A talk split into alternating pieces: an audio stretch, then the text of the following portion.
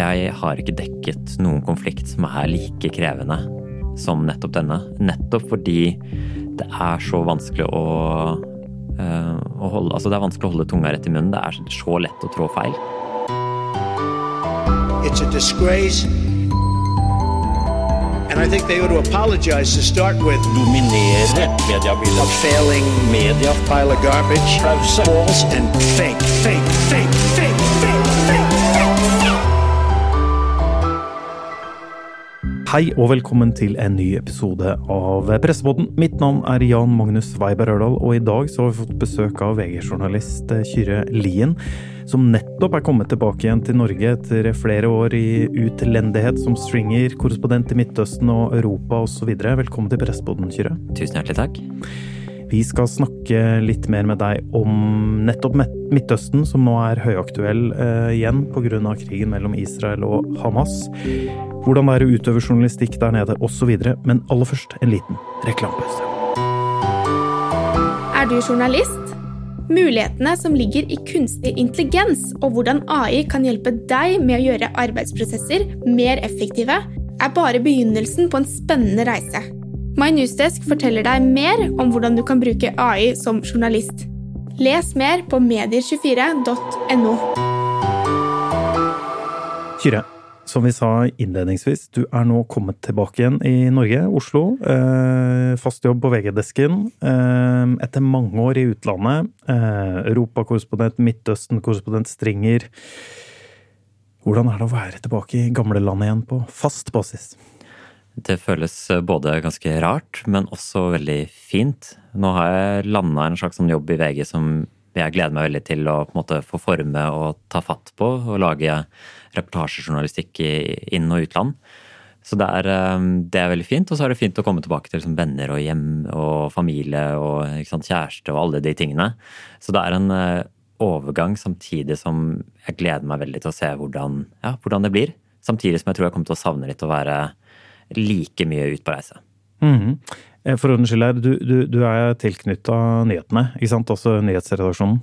Ja, så jeg skal jobbe i det som er aktualitetsavdelingen til VG, samtidig som jeg også skal jobbe utenriks. Så jeg har litt sånn skal jobbe litt eh, diverse steder, men i all hovedsak så er planen å jobbe med reportasjejournalistikk. Eh, reise ut, enten om det er i Norge eller utlandet.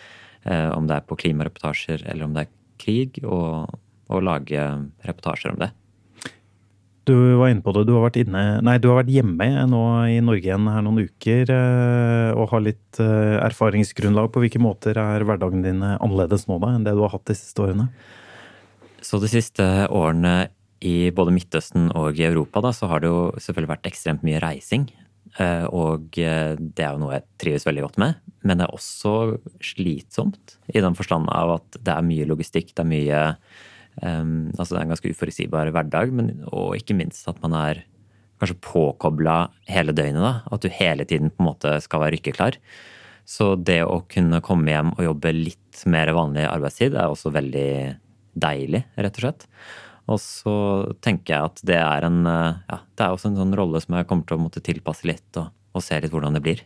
Mm -hmm. Hvorfor ønska du å vende tilbake til eh, en vanlig, desk, vanlig deskjobb i Norge i, i, stedet for å farte rundt da, i verden? Jeg tror nok eh, det er, eh, det er både fordi jeg følte tiden var riktig.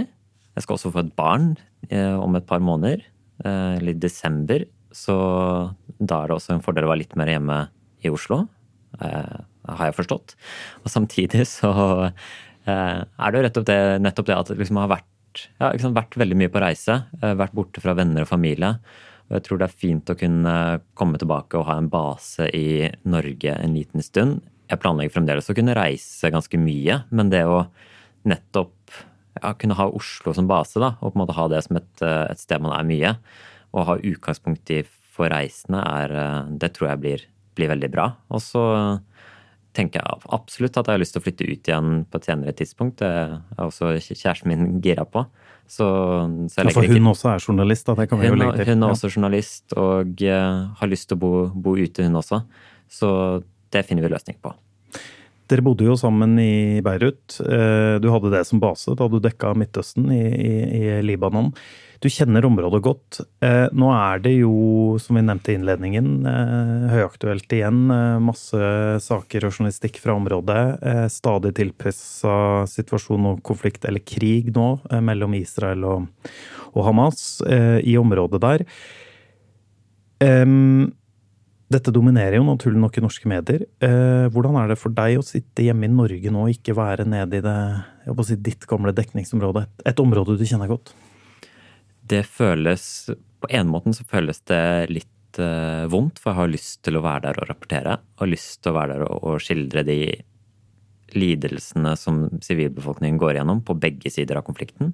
Samtidig så føles det også riktig, eller føltes riktig å ikke reise akkurat nå, for min del. Uh, det handler både om på en måte sånn forpliktelser eh, hjemme, men også driver og totalrenoverer et hus, og liksom alle disse praktiske tingene da, som er oppi det. Men jeg har et veldig sterkt ønske og, um, om, å, om, å, kunne reise ned på et uh, senere tidspunkt og kunne være der, og kanskje spesielt komme inn til Gaza, som er et sted som jeg kjenner kanskje enda bedre enn Israel. Snakker også litt språk, jeg har, har vært på Gaza mange ganger. Så det er en det, det gjør selvfølgelig alltid litt vondt for en nyhetsjournalist og en nyhetsfotograf å ikke være akkurat der det skjer. Samtidig så har VG nå kjempeflinke folk ute i felt, og det er masse internasjonale journalister som er der. Så det er eh, måte dekningen av krigen og konflikten der kommer selvfølgelig til å være veldig god fremover også. Mm. Eh, dette er jo en, eh, det en kjent sak, en veldig betent konflikt, naturlig nok, mange år tilbake. Steile fronter. Eh, vanskelig konflikt å dekke også eh, for, for, mediene, eller krevende. Hva tenker du om den norske mediedekningen om, om, om, dette så langt? Det er jo som du sier en ekstremt vanskelig konflikt å dekke. Og jeg har ikke dekket noen konflikt som er like krevende som nettopp denne. Nettopp fordi det er så vanskelig å, uh, å holde Altså det er vanskelig å holde tunga rett i munnen. Det er så lett å trå feil. Det er lett å På begge sider, med, eller altså uansett hvilken side du dekker? Uans, ja, uansett nesten hvilke, hvordan du ordlegger deg, da, så er det vanskelig. Fordi du kan veldig fort bli tatt til inntekt for den ene eller andre parten. Um, det er så enkelt som skal man kalle Hamas en terrororganisasjon? Det strides jo norske myndighetspersoner om akkurat nå. Skal man kalle de en, um, en militant islamistisk bevegelse? Hvordan skal man ordlegge seg og bruke begrepet rundt det her? Fordi uansett hvordan du omtaler det, så er det veldig, veldig lett at du blir tatt til fordel for en av sidene. Samtidig så mener jeg også at vi som journalister har jo et veldig stort ansvar i å på en måte ansvarliggjøre de som står bak disse handlingene, enten om det er på israelsk side eller om det er på, uh, fra Hamas sin side.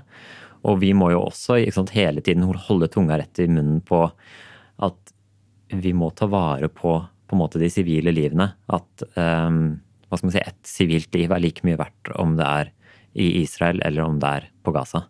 Og det er på en måte den veldig veldig vanskelige balansegangen da, som, som um, det er kjempevanskelig å navigere i. Det er så lett å trå feil. Nesten uansett hva man gjør, så, så får man på en måte um, Får du reaksjoner på det. Jeg får liksom mange, mange mail hver eneste dag om at jeg er uh, Enten om jeg er ekstremt liksom, støtter terroristene på Hamas, er det noen som sier. Andre som sier at jeg støtter eh, Israels okkupasjonsmakt på andre hånd igjen. Så det å på en måte mm, klare å navigere det i dette terrenget er, eh, er veldig krevende som, som, journalist. Hvordan takler man det som journalist, eller hvordan har du gjort det, som har hatt noen års erfaring med å dekke dette nå? Jeg forsøker å være ekstremt presis i ordbruken min og begrepene mine, og hvordan jeg omtaler det. Um, hvis på en måte en, en, kilde sier til meg at, og kaller ja, f.eks. Hamas en terrororganisasjon, så er det null problem å på en måte sitere de på det. Um, men, men, det handler om å ha en, ha en begrepsbruk som må, både er presis, men også kanskje ikke veldig partisk. Da. Jeg tenker også at det er viktig å la sivile få slippe til. Så jeg streber alltid etter å finne kilder på bakken, enten om det er i Israel eller om det er eh, på Gaza, som kan beskrive det som skjer, som har vært øyenvitner. Så det har vært min rolle de siste dagene, er å innhente disse skildringene fra disse menneskene som, som har opplevd liksom den faenskapen her, da. Uh, snakke med israelere nå som hørte hvordan det var skyting like utenfor huset. Hvordan uh, hele nabolaget sant, var fylt opp av Hamas-krigere.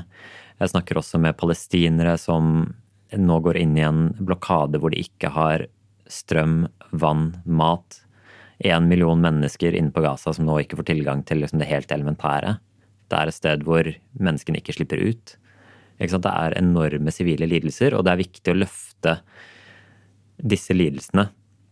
Og så tenker jeg også, i hvert fall for oss journalister, så er det i kampens hete som det er akkurat nå. ikke sant? Det, Hamas har aldri gjort noe så grusomme handlinger som det de har utført inne i Israel. Da må vi også passe på, tenker jeg, som, som journalister, at vi ikke at vi er varsomme i hvordan vi omtaler dette det er viktig at vi også får med konteksten. Hvorfor dette skjer. Hva er det som har ledet opp til dette sinnet innad i Palestina, innad på Gazastripen. At de handlingene som vi nå har sett, kommer heller ikke uten Det kommer ikke helt uten en grunn, da. Det her er på en måte, det er et for, forspill her som har vart i, i 75 år. Det er, det er, lange historielinjer, og de historielinjene er det også viktig tenker jeg, for oss journalister å, å klare å bringe frem. Mm. Du har jo ehm, Eller eh, som du nevnte her, dette er jo 75 år tilbake i tid. Eh, det snakkes stadig også nå om at dette er jo de mest alvorlige handlingene og stridighetene på over 50 år siden den eh, krigen i 73. Vi har snakka med flere norske journalister som er på plass der. Eh, beskriver jo en eh, ekstraordinær situasjon. Sterke inntrykk, eh, sterke beskrivelser. Eh, eh, vanskelig å, eller umulig nå da å komme inn i Gaza, som du, mm. du har nevnt, som du også kjenner. Eh, for oss som meg sjøl inkludert, i hvert fall, som primært sitter på desken eller tar, går ut og tar kaffekoppen med kilder. Fortell litt om hvordan det er å jobbe i sånne krigs- og krisesområder og soner. Jeg tenker i hvert fall nå, da, som det er et veldig og et enormt nyhetstrykk, så er det en situasjon for journalistene på bakken som er eh, veldig uoversiktlig. Det er krevende å navigere både å få riktig informasjon, korrekt informasjon. Det er også veldig krevende sannsynligvis med logistikk. Altså komme seg rundt, skaffe akkrediteringer, hvor skal man bo? Eh, få tak i oversettere, fiksere, så alle sånne ting som man egentlig ikke tenker på, men som er noe som krever veldig mye tid i felt. Og som, som spiser av tiden, og som gjør at man har mindre tid til å være ute og snakke med mennesker. Eh, samtidig så er det jo klart at det er en, en, ganske ekstraordinær situasjon. Det er masse åsteder over hele Israel. Man går inn og møter mennesker som sannsynligvis er dypt traumatisert. Og man møter jo da også det, sant, det etiske dilemmaet. Her har folk stått i på en måte sin verste krise kanskje noensinne. Sett mennesker blir drept foran øynene deres, kanskje. Savner nære, kjære. Og så skal man komme der og spørre hvordan det går og hva skjedde. Og, og, kanskje være med på å retraumatisere noen på en eller annen måte. Så man står oppi i ganske store etiske og moralske valg hele tiden når man er ute i felt i, i en sånn situasjon. Uh, og det er, det er, kjempekrevende. For du har også kanskje en desk hjemme som, som hele tiden vil ha oppdateringer, kanskje vil ha livesendinger. Du har veldig mange hensyn å ta, da. Så tenker jeg det viktigste er jo, i hvert fall som jeg prøver å, gå etter når jeg er ute i felt, er jo å følge hjertet, på en måte, og, og prøve å måte behandle folk på den måten som jeg kanskje selv ville blitt behandla hvis jeg var i en lignende situasjon. Da. Ikke sant? Hvis, hvis mennesker er dypt traumatisert, men som kanskje har lyst til å snakke, ok, da snakker man kanskje med dem, og så må man ta en eller annen etisk vurdering etterpå. Men Um, men på en måte følge, følge, magefølelsen sin, selv om det høres veldig banalt ut, da, så er det noe som, som ofte funker. Men det er veldig, veldig krevende. Det, kan du si noe om hvordan det er å være journalist i, i, i Midtøsten-området? Jeg er klar over å snakke om Midtøsten-området er jo et utrolig stort område, men hvis vi snakker eh, kystlinja langs Middelhavet, som du kjenner godt og har bodd? Ja, nei, altså, så Israel for eksempel, hvis vi tar utgangspunkt i Israel-Gaza. Israel er et sted hvor du som utenlandsk journalist eh, kan reise inn. Det er et ganske stort på en måte sånn statsapparat som er lagt opp for at du som journalist skal komme deg inn og rapportere derfra. Um, de eh, israelske myndigheter er også ikke alltid så veldig glad i eh, journalister. eller sånn. De har en veldig streng grensekontroll. Um, det slippe, kan være vanskelig å slippe inn. Sist da jeg skulle reise inn dit, så tok det to-tre timer tror jeg, med avhør før jeg fikk lov til å reise inn. Men um, Og det er selvfølgelig ekstremt polarisert da, innad i Israel. Jeg har også vært på Gaza senest i 2019. Og det er jo en, en kystenklave som er ganske sånn sjokkerende å reise til. Jeg husker jeg reiste dit fra Tel Aviv. Tel Aviv er jo liksom en by som er sant, toppmoderne, det er masse unge folk der. Det er høye skyskrapere, et nattliv og uh, sant, ganske velstående. Folk kjører rundt i elbiler, og, og det er fint der, liksom. Og så er det en time å kjøre til Gaza. For å komme seg inn til Gaza så må du gjennom ekstremt mange sånne sikkerhetssluser, som da kontrolleres av israelske myndigheter. Det sitter israelske soldater bak skuddsikre eh, glass. Du snakker egentlig aldri med dem, annet enn gjennom på en måte, dette skuddsikre glasset. Og så får man da lov til å slippe inn til Gaza, gitt at du har eh, akkreditering og tillatelsen fra både israelske myndigheter og Hamas, da, som er de facto styrer på, på Gaza. Inne på Gaza så er jo det også et samfunn hvor eh, jeg faktisk har opplevd ganske stor pressefrihet. Um, kan reise rundt og egentlig snakke med alle man ønsker. De gangene jeg har vært der. Uh, alt fra Hamas-folk til sivile til um, sant, komme seg inn på sykehus. At det er relativt måte, greit å jobbe der. Men det er også et sted hvor selvfølgelig myndighetene har uh, stor kontroll. Det er masse sensur, man skal passe på hva man gjør det er jo et, det er et uh, regime som styrer der også. Men det store spørsmålet nå også er jo sant, at nå pågår jo krigen, og jeg tror det kommer til å være veldig, veldig vanskelig å komme seg inn til Gaza de nærmeste ukene, sannsynligvis månedene. Uh, alle grensepassasjene er jo blitt bombet. Så det er jo på en måte utfordringen også, at vi som journalister klarer ikke å komme oss inn dit og snakke med folk. Er du journalist? Mulighetene som ligger i kunstig intelligens og hvordan AI kan hjelpe deg med å gjøre arbeidsprosesser mer effektive, er bare begynnelsen på en spennende reise. My Newsdesk forteller deg mer om hvordan du kan bruke AI som journalist. Les mer på medier24.no. Apropos uh, sterke inntrykk, uh, Kyrre. Du var jo i Kyiv Kiev da Ukraina ble invadert av Russland i fjor vinter.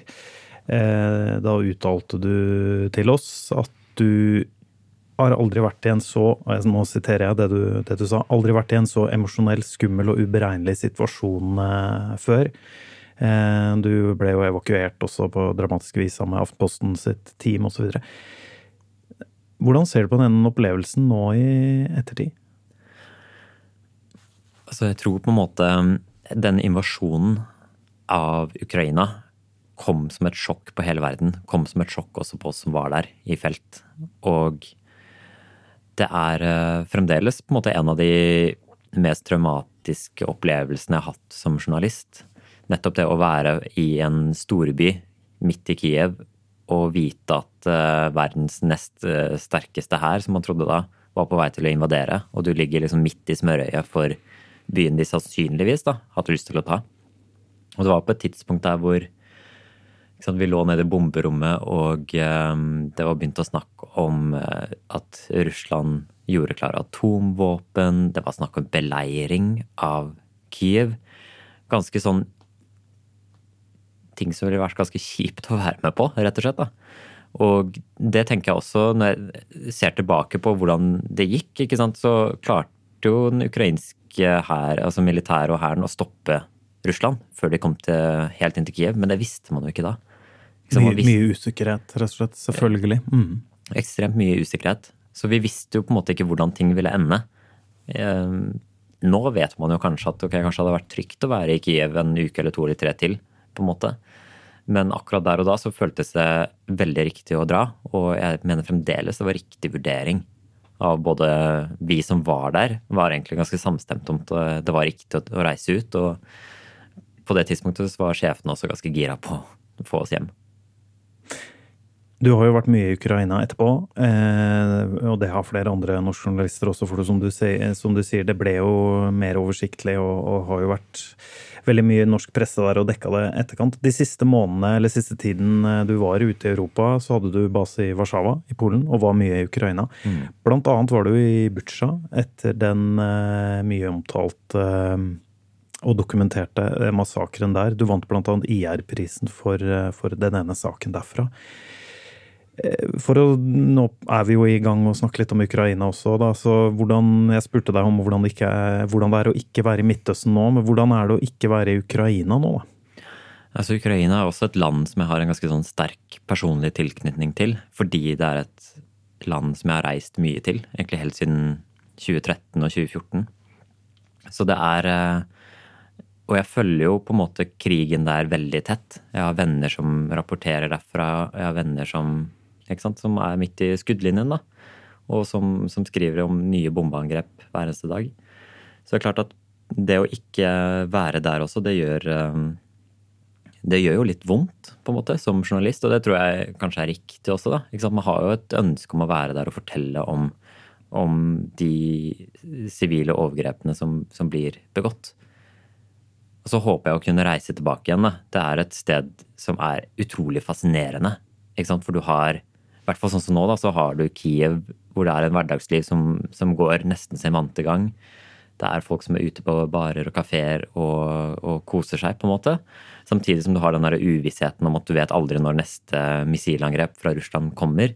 Du vet aldri når, eh, ja, når den neste krigshandlingen skjer, da. Og det er jo det som også kanskje bekymrer meg litt, og som jeg alltid er redd for, er jo jo lengre disse krigene varer, jo lenger det drar ut i tid, jo mindre interessert blir jo folk i det. Å klare å opprettholde på en måte interessen til leserne er kjempevanskelig oppi det her. Det å finne de originale inngangene på reportasjene, klare å skildre de menneskelige lidelsene og prøve å få dette til å virke som ja, At det er noe nært, da, noe som, som, på en måte kunne vært ens venner eller familie som står oppi, oppi det her det er jo på en måte utfordringen, da. men jeg tror også kanskje nøkkelen til å klare å skildre disse, um, disse hendelsene. Disse krig, krigene. Og det er jo en, en digresjon, da, men det er jo det vi også ser med Israel og Palestina nå. at det, er, eh, det, å menneskeliggjøre de sivile lidelsene er, er, ekstremt viktig. Vise menneskene som, som, er rammet av det her. Ja, fordi eh, det du nevner her, er jo også noe mange medier eh, eller har blitt diskutert uh, mye i vår bransje, da, spesielt siden etter invasjonen i Ukraina. Også dette med uh, news fatigue på godt norsk, eller nyhetstrøtthet er vel faktisk godt norsk begrep på det. Fordi det blir mye etter hvert, og interessen faller. Det er vanskelig på en måte å holde interessen oppe, kanskje. Du var litt inne på at det er viktig, men hva, hvordan, hva tenker du norske medier kan gjøre for å jobbe på en måte for å unngå det? For det, det er jo viktig å fortsatt dekke Ukraina-krigen og, og, nå da i Israel- og Hamas-krigen. Jeg tenker det viktigste er ofte er jo nøkkelen også å ha folk på bakken da, som kan være der og skildre hva som skjer, og rapportere om, om det som skjer. Fordi jeg merker også, det ser vi også på lesertallet i VG, at folk er veldig interessert når det er ting som er breaking news som føles veldig nytt. Et nytt angrep som er kanskje overraskende eller sjokkerende i Ukraina. Det kan være lettere å trekke lesere inn i det enn på en måte en mer sånn eh, nyansert uh, featuresak om noen som har opplevd et eller annet, på en måte. Men begge disse to er på en måte viktige. da. Begge, mm, det er viktig å både på en måte selvfølgelig følge de løpende nyhetene, men det er også kanskje desto viktigere å klare å forklare hva som skjer, konteksten, gir leserne på en måte den, det grunnlaget som de trenger da, for å kunne ta en, en selvstendig avgjørelse på hva man tenker om det som pågår. Og så er jo, er jo det viktig å tenke på sant, at uh, krigen i Ukraina nå har vart halvannet år. Ingenting tyder på at den kommer til å være over med det aller første. Nato og Norge har gått tungt inn og, og selvfølgelig støtter Ukraina i denne kampen for å, for å få ut måte, okkupasjonsmakten. Og det er sant? Da tenker jeg det er også viktig å, å, å se på hvordan, ja, hvordan brukes bistandspenger, hvordan Altså hele dette um, henger jo sammen. At vi må klare å opprettholde det nyhetstrykket på, på dekningen der, samtidig som det pågår ting andre steder i verden. Og det er kjempevanskelig, liksom. Um, jeg tenker vi skal gå litt inn for landing i denne episoden og kjøre. Vi kunne pratet uh, lenge og bredt om mye. Jeg bare lurer på én ting som jeg har lyst til å spørre deg om, uh, som jeg egentlig har tenkt på. Ofte når det gjelder eh, rutinerte utenriksreportere og fotografer og journalister som er mye ute Du har vært i Ukraina, du har vært i Midtøsten, du var også i Tyrkia, i, i, etter jordskjelv osv. Får du ofte oppfølging etter du kommer hjem fra sånne krisesituasjoner? Jeg tror i hvert fall det er mye større bevissthet rundt det nå enn det det var for et par år siden. Så vi, altså i VG i hvert fall, så har de vært veldig, er de veldig opptatt av det. Um, men de er også der at de, som jeg tror er lurt, at de ikke på en måte presser det på en. At det er sånn du må dra dit og, og snakke med noen en gang i uka neste måned, på en måte. Det er ikke alltid er løsningen, da. Men vi har jo på en måte et stående tilbud om å snakke med en eh, traumeekspert eller krisepsykolog. For min del så føler jeg at ofte den beste debrifen er å kunne snakke ut med kolleger som gjerne kanskje har vært der, eller vært i lignende situasjoner.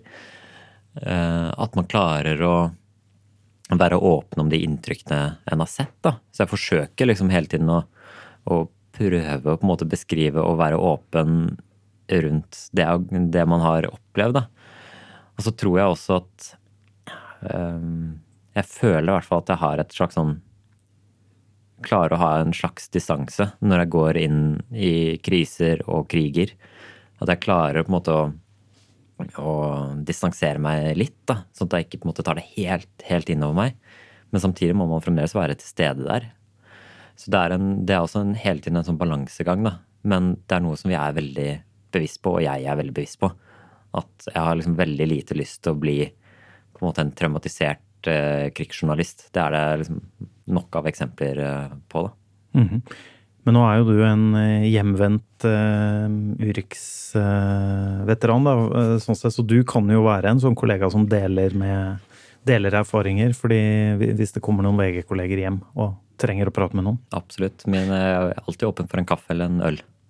Men i den, eh, altså hvis det er noen som hører på poden her nå, som tenker, eh, som er journalister eller fotografer og kanskje litt yngre, nyutdanna, som kunne tenke seg å jobbe mer ute i felt i sånne områder, har du noen råd da, du kan gi før man eh, reiser ut eller vurderer å satse på en sånn journalistkarriere? Jeg tror alltid det er lurt å gå på en måte, gå stigen i, i konflikter. Så det første jeg ville gjort, var kanskje ikke nå å reise inn til Gaza men at man forsøker å bygge seg opp en kompetanse eh, rundt disse områdene. Har man lyst til å jobbe mye i Midtøsten f.eks., da er det gull å forsøke å lære seg arabisk eller et de andre språkene. Og, eh, og, rett og slett forsøke å forstå regionen man har lyst til å spesialisere seg innenfor. Og så er det viktig å selvfølgelig ta forhåndsregler, da. Ikke sant? Ikke, det er nok av det har vært nok av måte, journalister som reiser inn unge, uerfarne til steder og blir skada eller setter andre personer i fare. Så det er også noe man må tenke på. da, At um, man skal vite litt hva man gjør. Og så forsøker jeg også å være uh, ja, liksom, Hvis folk tar kontakt, så forsøker jeg alltid å, å hjelpe. Eller måte komme med innspill og rådgi folk. da. Um, det tenker jeg er viktig. At man støtter, støtter på en måte kolleger og også nye mennesker som har lyst til å komme seg inn i bransjen. Mm. For du gjør jo en viktig jobb, så du var inne på. Så man trenger jo en rekruttering også i norsk eh, mediebransje for det. Jeg tror det blir eh, siste ordet vi sa i denne episoden, eh, Kyrre. Jeg ønsker deg lykke til videre med din nye hjemmehverdag, eller norske deskhverdag. Og ikke minst blivende rolle som pappa om noen få måneder. Eh, gratulerer og ønsker deg lykke til med det. Neste uke er det en ny gjest her i eh, Presseboden. Vi høres igjen da.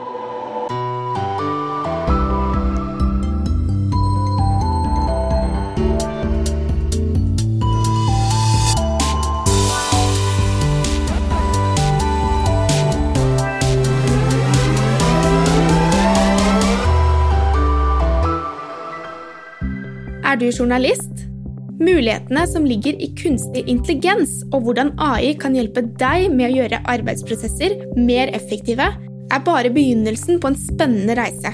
My Newsdesk forteller deg mer om hvordan du kan bruke AI som journalist. Les mer på medier24.no.